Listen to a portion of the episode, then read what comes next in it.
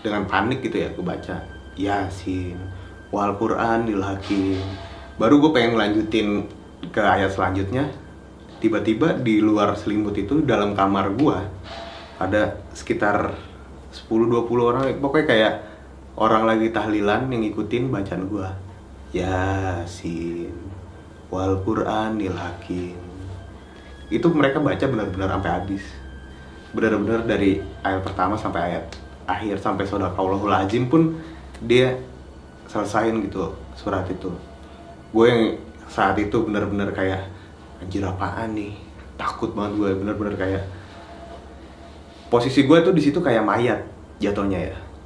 Kayak mayat mayat yang lagi tiduran terus dikelilingin orang-orang yang lagi yasinan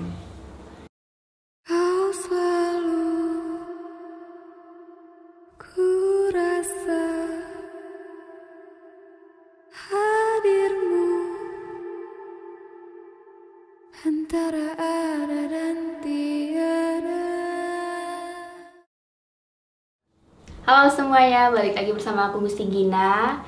Dan gimana nih kabar kalian? Semoga dalam keadaan sehat dan baik-baik aja ya. Berdasarkan permintaan kalian yang minta datangin narasumber buat bercerita kisah horor nyata mereka Langsung aku datangkan di hadapan kalian.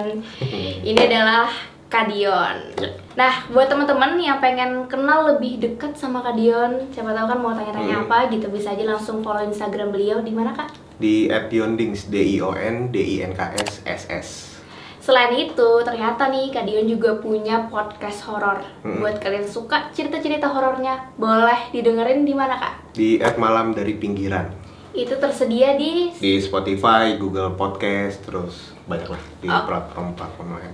Silahkan didengarkan. Ya, Di episode pertama ini Kak Dion akan bercerita tentang pengalaman horor dia bersama ya gadis gangster. Gadis Gangster. Sebelum kita masuk ke ceritanya kayak gimana, Hmm. aku ingetin lagi nih buat teman-teman yang baru di channel ini belum subscribe, silahkan di subscribe, nyalakan loncengnya, biar kamu nggak ketinggalan video-video aku selanjutnya. Tanpa berlama-lama, langsung aja kita dengarkan cerita dari Kadion.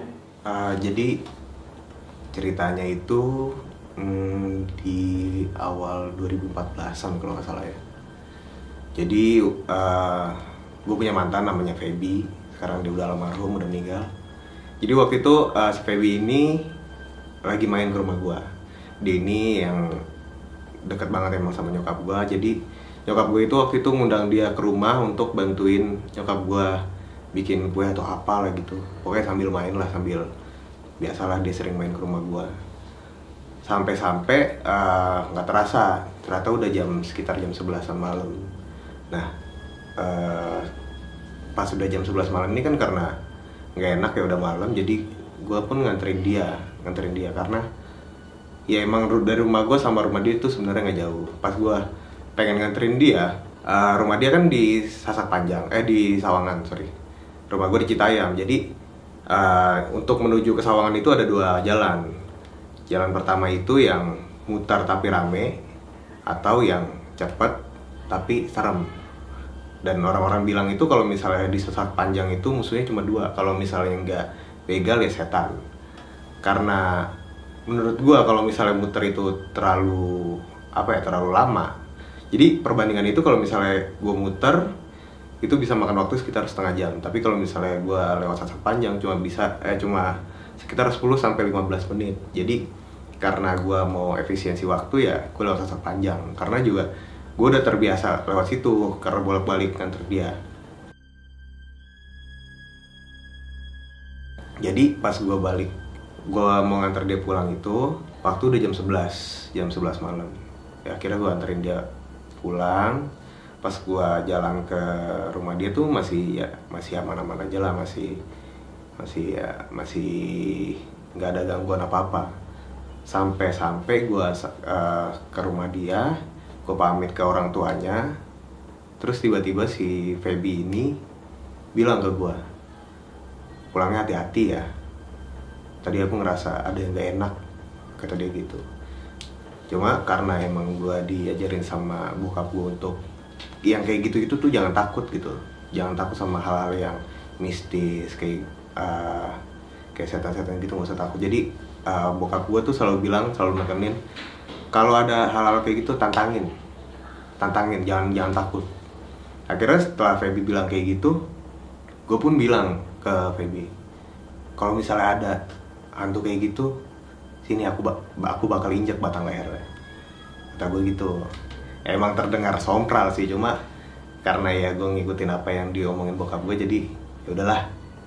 Akhirnya gue pamit ke kedua orang tuanya gue pamit ke Feby pulanglah gue lewat sesak panjang lagi. Karena ya itu gue males banget kalau misalnya harus muter lagi kan muter lewat jalan besar.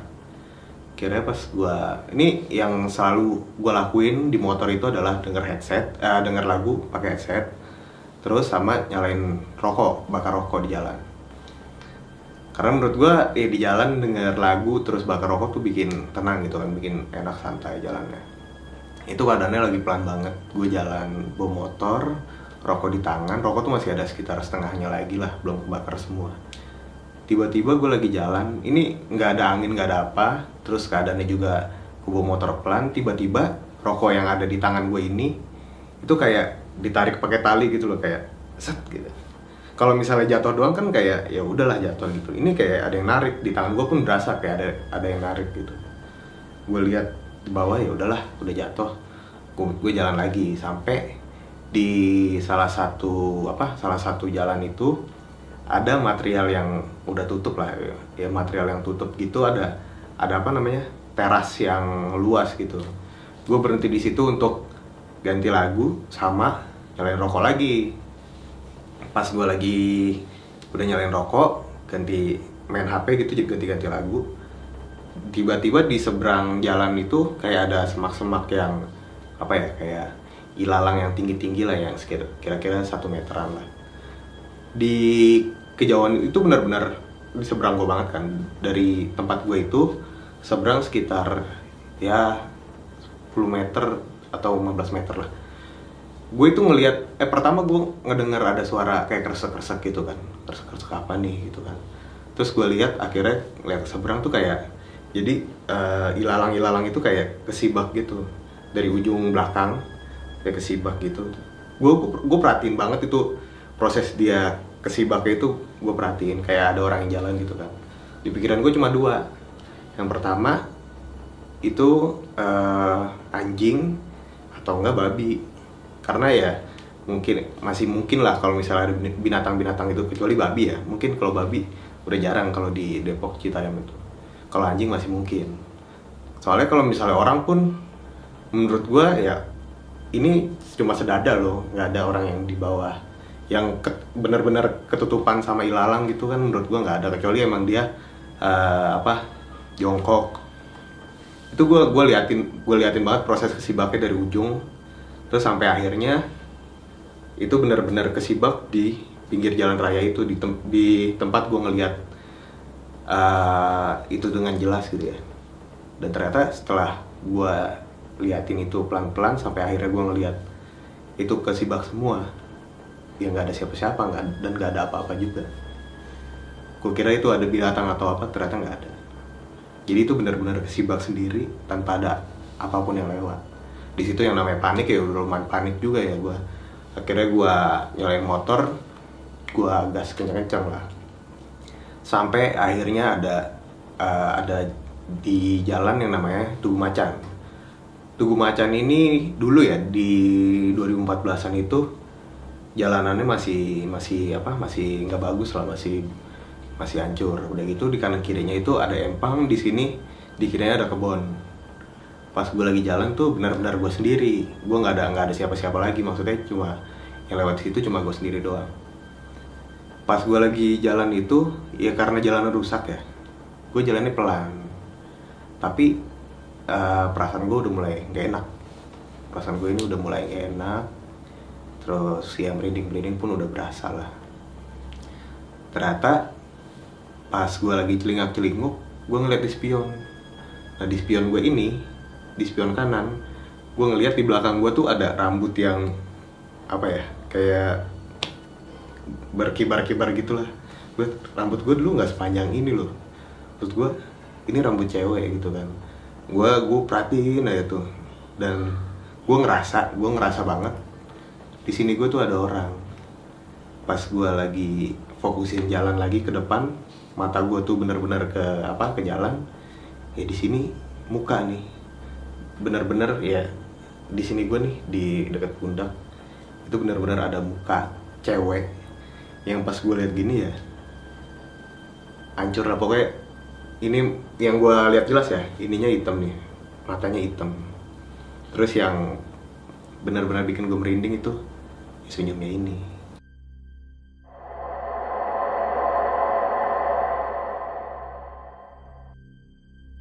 Dari situ udah langsung cap apa tancap gas walaupun jalan rusak ya jadi bodo amat gitu. Tancap gas ternyata di belakang tuh masih suara ada suara kalau gue dengarnya bukan suara ketawa ya lebih ke suara kuda gitu. Suara kuda kayak lagi ngeringit gitu kan. Itu jelas banget selalu benar-benar ngikutin gue di belakang. Akhirnya gue tancap gas sampai akhirnya di apa itu bener ngikutinnya sampai depan gang rumah gue pas gue belok ke depan gang rumah gue suara itu udah hilang. Pas udah belok gue sampai depan rumah itu kan gue gerabak gerubuk ya nyari kunci nyari apa untuk buka gerbang. Itu saking paniknya gue itu nyari kunci pun udah susah banget nih udah susah nggak kena kena ternyata pas gue lagi mau masukin eh, apa kunci di gembok itu dari jadi depan rumah gue ini di pagernya benar-benar ada pohon gede yang nempel di pagar nah pohon itu pohon cempedak. Pas gue lagi susah-susahnya buka kunci itu ada ada kain putih turun turun depan depan motor gua yang parkir di situ. Ngelihat jelas banget gue itu. Yang yang benar-benar ini ya senyumnya itu yang sampai sini nih. Jadi dia senyum di mulutnya sampai sini. Pas sudah pas sudah ngeliat kayak gitu ya pingsan gua pingsan sampai akhirnya itu gue ditemuin sama orang gua. Ada orang jalan terus dibangunin tanya kenapa kenapa kenapa. Udahlah akhirnya gue langsung masuk. Besok pagiannya gua eh, gua cerita ke bokap gua. Ya semalam itu ada ini ada ini, ini ngelihat ada cewek turun di depan rumah. Terus kata dia dia dengan santainya ngomong udahlah biarin aja. Paling itu cuma si asih kata dia gue gue di situ kayak asih siapa ya? Gini. Akhirnya udahlah itu udah setelah berselang lama gue gue itu balik dari Bandung tuh. Waktu itu gue sempat ada event di Bandung. Terus gue ini sempat ke salah satu gua. Salah satu gua di Bandung yang mitosnya itu nggak boleh bilang lada ya gua Jepang lah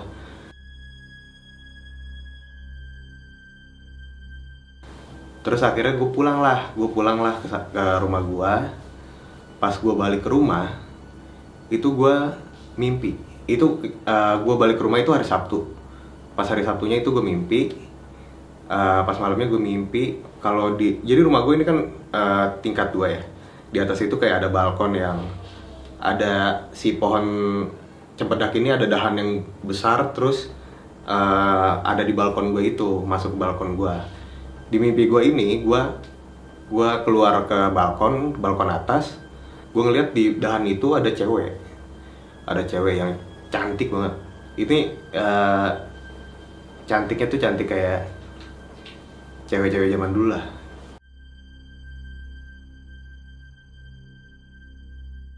Akhirnya gue lihat situ gue samperin gue ini gue tanya kamu siapa?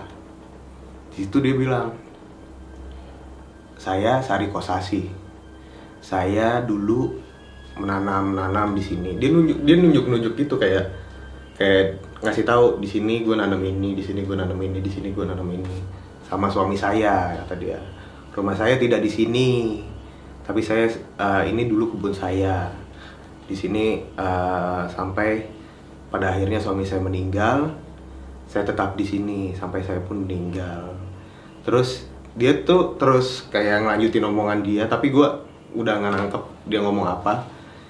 Terus pas dia lagi nunjuk-nunjuk gitu gue ngeliat ke bawah gini ke rumah ke jalanan depan rumah gue itu ada ada apa ya kayak kalangan kaki kaki yang tinggi banget. Gue pun pas gue lagi lihat gitu tiba-tiba itu kaki itu lewat pas gue lihat ke atas ya masih tinggi banget makhluknya pas gue lagi ngeliat kayak gitu di bawah ada nenek-nenek. Ada nenek-nenek yang yang kayak ngelambai-lambain gini. Akhirnya gue turun gue turun terus gue samperin nenek-nenek itu kan. Kenapa nek? Terus akhirnya si nenek itu bilang dulu kamu itu sering main di sini. Dia nunjuk di kebun gue kan yang sekarang jadi kontrakan itu. Dia bilang dulu kamu sering main di sini sering main rumah-rumahan. Emang dulu zaman pas gue masih kecil emang iya gue sering main rumah-rumahan di situ sama teman-teman gue bikin kayak rumah pohon gitu gitulah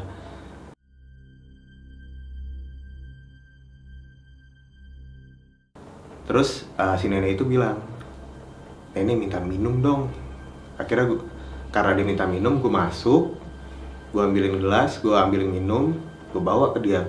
Gue gua keluar lagi gitu pengen nyamperin si nenek itu akhirnya pas gue pengen ngasih itu air ke dia baru buat buka pintu rumah ya suasana itu yang tadinya siang sekarang udah malam dan si nenek itu yang yang gue lihat tadi itu sekarang udah berubah yang kayak eh, apa ya merah serem terus udah gitu gue pengen ngegambarin dia itu dia tuh eh, bentuknya gede banget gitu kayak kayak apa ya kayak hordeng kayak hordeng yang gede gitu. Yang bener-bener lebar gitu. Terus gue liat anjir nih bukan nenek-nenek yang tadi. Akhirnya gue masuk masuk lagi gue naik ke atas gue sampai si Sari Kosasi itu di bentuk yang sekarang ditunjukin sama dia ya bentuk yang gue lihat waktu itu pas malam-malam. Yang waktu itu yang bikin gue pingsan itu dia. Ternyata bentuknya yang udah yang udah mulutnya lebar itu terus matanya hitam hancur. Hitamnya tuh kayak hitam busuk gitu loh hitam busuk. Kayak dari sini nih.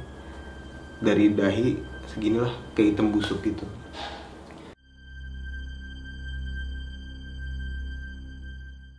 Udahlah akhirnya kebangun lah gue setelah itu cerita lagi lah gue ke bokap gue jadi ternyata dulu itu sebelum apa ya sebelum rumah ini dibangun bokap gue itu kalau siang kerja. Jadi dia bangunnya kalau uh, ngebangun rumah itu malam sama tukang-tukangnya. Jadi pas rumah gue dibangun itu dulunya kebun kebun biasa kebun kosong.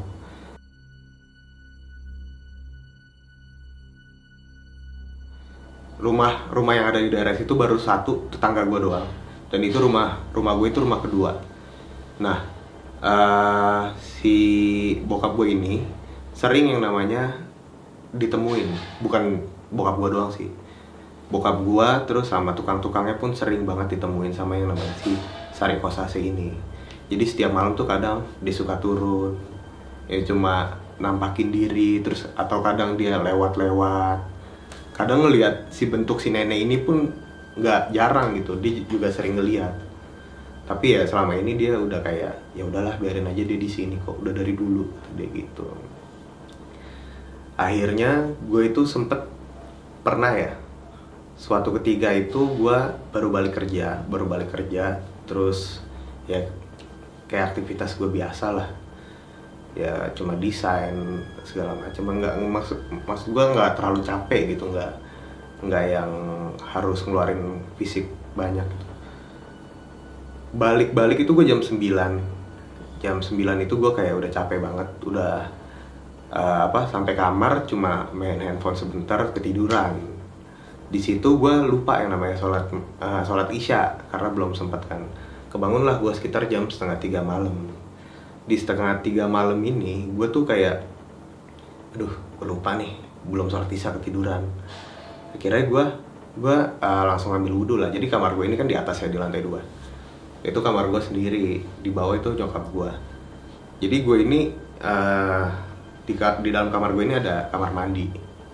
Jadi gue langsung apa ke kamar mandi untuk ngambil wudhu.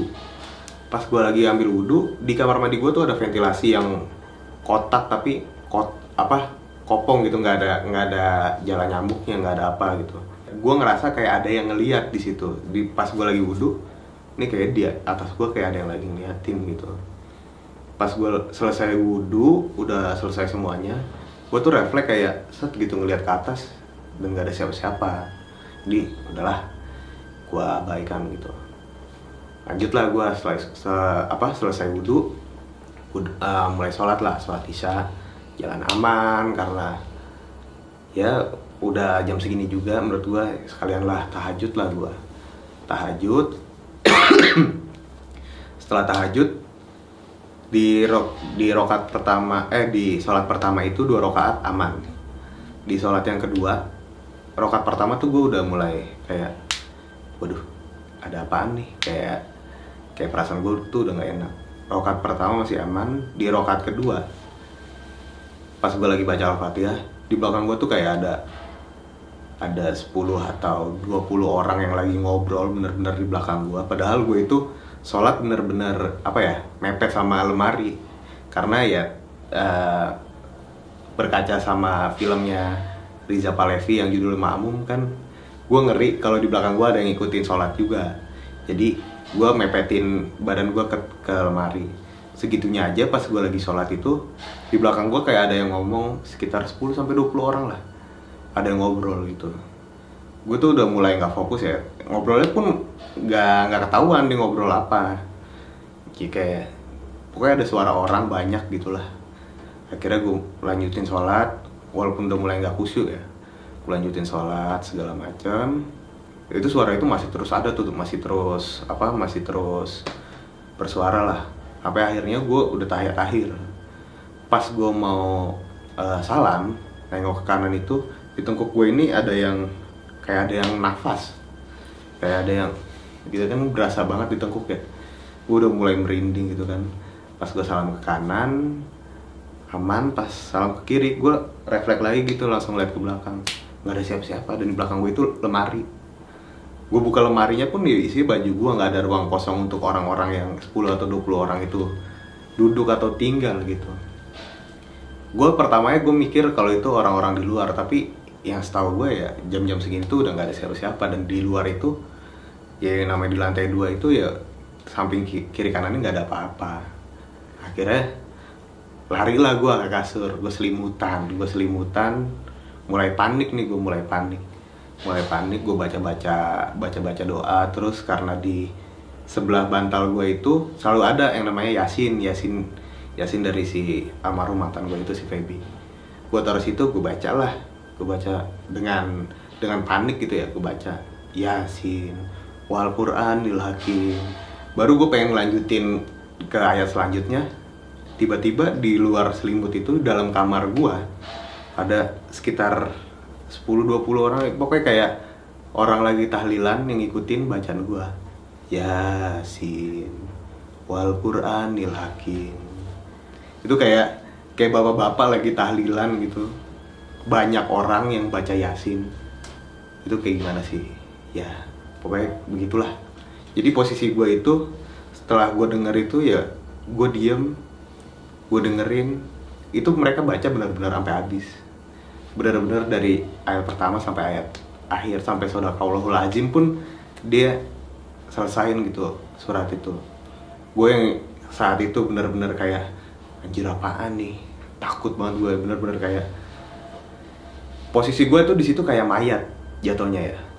Kayak mayat mayat yang lagi tiduran terus dikelilingin orang-orang yang lagi yasinan.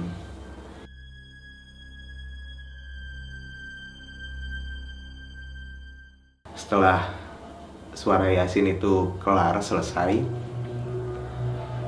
gue masih masih takut lah masih apa masih masih parno lah. Gue coba buka pelan-pelan gitu selimut gue dan ya udah nggak ada nggak ada siapa-siapa. Dan kamar gue dalam keadaan terkunci jadi nggak ada kemungkinan orang masuk dari luar tuh nggak ada. Apalagi eh, rombongan bapak-bapak yang masuk ke kamar gue tuh nggak mungkin ada. Nah di saat gue lagi apa di saat gue lagi celingak celinguk ngeliatin keadaan sekitar ternyata kamar mandi gue itu belum ditutup. Dan menurut gue keparnoan gue adalah kalau di kamar kamar mandi belum ditutup itu itu gue ngerasa parno banget. Bener-bener parno akhirnya gue coba beraniin diri coba buat bangun gue lari tuh ke depan kamar mandi mau tutup pintu. Pas gue mau tutup pintu ternyata ada di dalam kamar mandi jadi ini bak nih ini bak. Jadi dalam kamar mandi tuh ada cewek yang gini nih. Jadi badannya tinggi bentuknya bener-bener kayak letter L gini dia lagi ngeliatin air gitu. Terus ya yang namanya gue ngeliat kayak gitu kan kayak kestun gitu ya. Gue nggak bisa ngapa-ngapain gitu gue cuma bener-bener terpaku ngeliatin dia. Gerak pun udah nggak bisa. Gerak pun mau lari lagi pun udah nggak bisa. Jadi bener-bener tatap apa mata gue tuh cuma ngeliatin dia. Pas gue lagi kestun gitu dia pun nengok. Dia tuh badan yang kurus gitu yang bener-bener apa ya bener-bener tinggal kulit sama tulang doang gitu. Terus dia nengok lama-lama nyamperin gue semakin deket semakin deket gitu. Gue lama-lama gue cuma bisa bilang astagfirullahaladzim astagfirullahaladzim astagfirullahaladzim astagfirullahaladzim. Di saat gue bilang kayak gitu dia makin deket terus pala- palanya gini. Astagfirullahaladzim astagfirullahaladzim astagfirullahaladzim. Lama-lama makin deket ke, de- ke depan muka gue gitu. akhirnya nggak tahu kenapa udah akhirnya gue bisa lari gue buru-buru uh, buka pintu ke bawah gue bilang ke bokap gue pas gue bokap gue balik lagi tuh ya udah udah nggak ada udah nggak ada siapa-siapa. Udah nggak ada apa-apa juga. Dan sama ya, pintu luar pun dikunci gitu. Pintu luar atas pun dikunci. Pintu luar atas dikunci dan ya nggak mungkin lah kalau misalnya ada orang yang bisa kabur gitu. Dan menurut bokap gua itu bukan si Asih karena bentukannya beda. Usut punya usut kata dia lu habis ngapain nih? Kata bokap gue nanya ke gua tuh. Pernah pernah ada macam-macam nggak? Pernah ada ini nggak? Pernah ada salah nggak atau apa? Nah jadi ternyata ini eh, ada salah satu orang yang bilang kayak gini juga sama persis sama apa yang diomongin bokap gue jadi gue pernah deket sama salah salah satu cewek. Eh, cewek itu gue tinggalin karena waktu itu eh, adalah masalah. Setelah gue tinggalin itu ternyata dia sakit hati. Dan ternyata pas di saat dia sakit hati dia itu ternyata dibekelin. Dibekelin sama apa ya dibekelin sama makhluk itulah sama bapaknya. Dan ternyata makhluk itu yang ngikut ke rumah gua katanya. Dan itu bokap gua ngomong gitu dan adalah salah satu orang pun ngomong gitu juga sama persis apa yang diomongin jadi yang menurut gue valid kayak gitu sih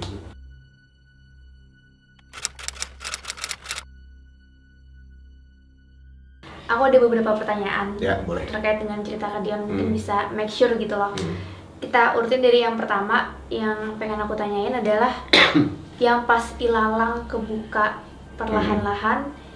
Itu kan kalian nggak lihat ya sosoknya Iya, nggak ada nggak kan? Nah Nggak. terus setelah itu kan kalian juga di waktu yang sama setelah perjalanan itu diikutin sama si cewek. Mm-mm. apakah itu sosok yang sama atau berbeda? Sama yang di rumah ya? Sama yang ikutin di motor oh. yang rambutnya. Iya it- itu kalau dari kata orang-orang yang bisa melihat dan Hmm. tahu cerita gua itu beda. Oh berarti. Jadi yang di motor sama yang di rumah itu beda see Ah. yang di ilalang itu juga beda yang membuka oh kalau itu gua nggak tahu tuh itu siapa gitu gua nggak tahu tapi yang yang jelas si cewek ini sama yang di rumah itu beda oh iya. beda berarti sosok yang ngikutin di motor itu tersendiri Ah. terus sampai rumah dia pergi ah baru yang si asih yang dari pohon Iya yang dari pohon pedang. itu turun. Kalau kata orang-orang sih mungkin karena si yang yang ngikutin ini Mm-mm. tahu itu bukan teritorinya dia cabut. oh Gitu. karena si asih udah Iya. ada di sana Iya kata sih gitu. terus pertanyaan selanjutnya Ya. ini kan kakak tadi diikutin tahu Hmm. diikutin kan dari lihat di spion ya Hmm. rambut Hmm. nah itu dari sekitar toko material kan Hmm. sampai ke rumah itu berapa lama sih selama waktunya kira-kira sekitar 10 menit eh, 10 menitan lagi ya. lama ya iya lumayan. Ya, jadi sepanjang jalan tuh benar-benar ketawa dia aja di belakang. terus kayak berasa wajah gitu kan katanya di sana Iya, itu itu itu, pas berasa wajahnya itu pas di daerah Tugu Macan itu. oh pas ber- pas di Tugu Macan itu benar-benar lihat sini ada kayak ada orang di sini akhirnya gue ngeliat ya emang bener ada orang sini ada cewek ada muka cewek terus ya Gimana sekitar 10 menitan lah sampai rumah tuh dia ngikut Berarti awalnya dia kayak duduk di bonceng gitu kan Iya, di iya, belakang. iya, Terus iya, kayak bonceng. ngasih lihat mukanya di samping. Ah. Gimana perasaannya gak? ya, gitulah ya kalau dibilang panik panik banget walaupun ya itu itu jalanan kan rusak banget Mm-mm. itu bener-bener gua tancap gas bodo amat lah jalan rusak yang penting gua nyampe rumah kayak gitu Berarti di jalan tuh udah berasa panik ditambah lagi pas nyampe si Asih iya turun ya. turun Oke, serem juga sih. turun dan nampakin pertama kali di situ Oh, berarti selama tinggal di rumah itu Hmm. tuh pas usia keberapa tuh kak? apa tinggalnya Eh, ketemu dari lahir ketemu Asih. oh ketemu Yang- asinya itu 2014 tuh ya 20-an lah Berarti sekitar 20 tahun sebelumnya tuh nggak pernah ketemu Asih. Enggak. Padahal dia pernah. udah di sana Iya. selama itu kan. iya Itu- Sebelumnya nggak pernah Itu pertama kali ketemu Asih. Iya. Tapi bapak tahu ya. Bapak tahu. Nah, Kayaknya sih dia dari sebelum-sebelumnya juga pernah apa ya pernah dimimpin hal yang sama. Gitu. Hmm, makanya bapak tahu namanya Asih. Ah, ah, makanya dia tahu namanya Asi. Dan dia pun udah bilang juga paling itu si Asi gitu. Wah, ternyata si Asih emang penunggu rumah. Iya. Ah, karena bapak ini kan tahu Hmm. sosok itu adalah si Asih. Sebelum kejadian itu, Hmm. pernah nggak bapak menyinggung hal-hal si Asih itu ada di rumah? Kalau menyinggung hal-hal kayak gitu sih pernah waktu itu Hmm. satu satu dua kali lah. Cuma Hmm. ya dia nggak nyeritain itu siapa gitu. Hmm.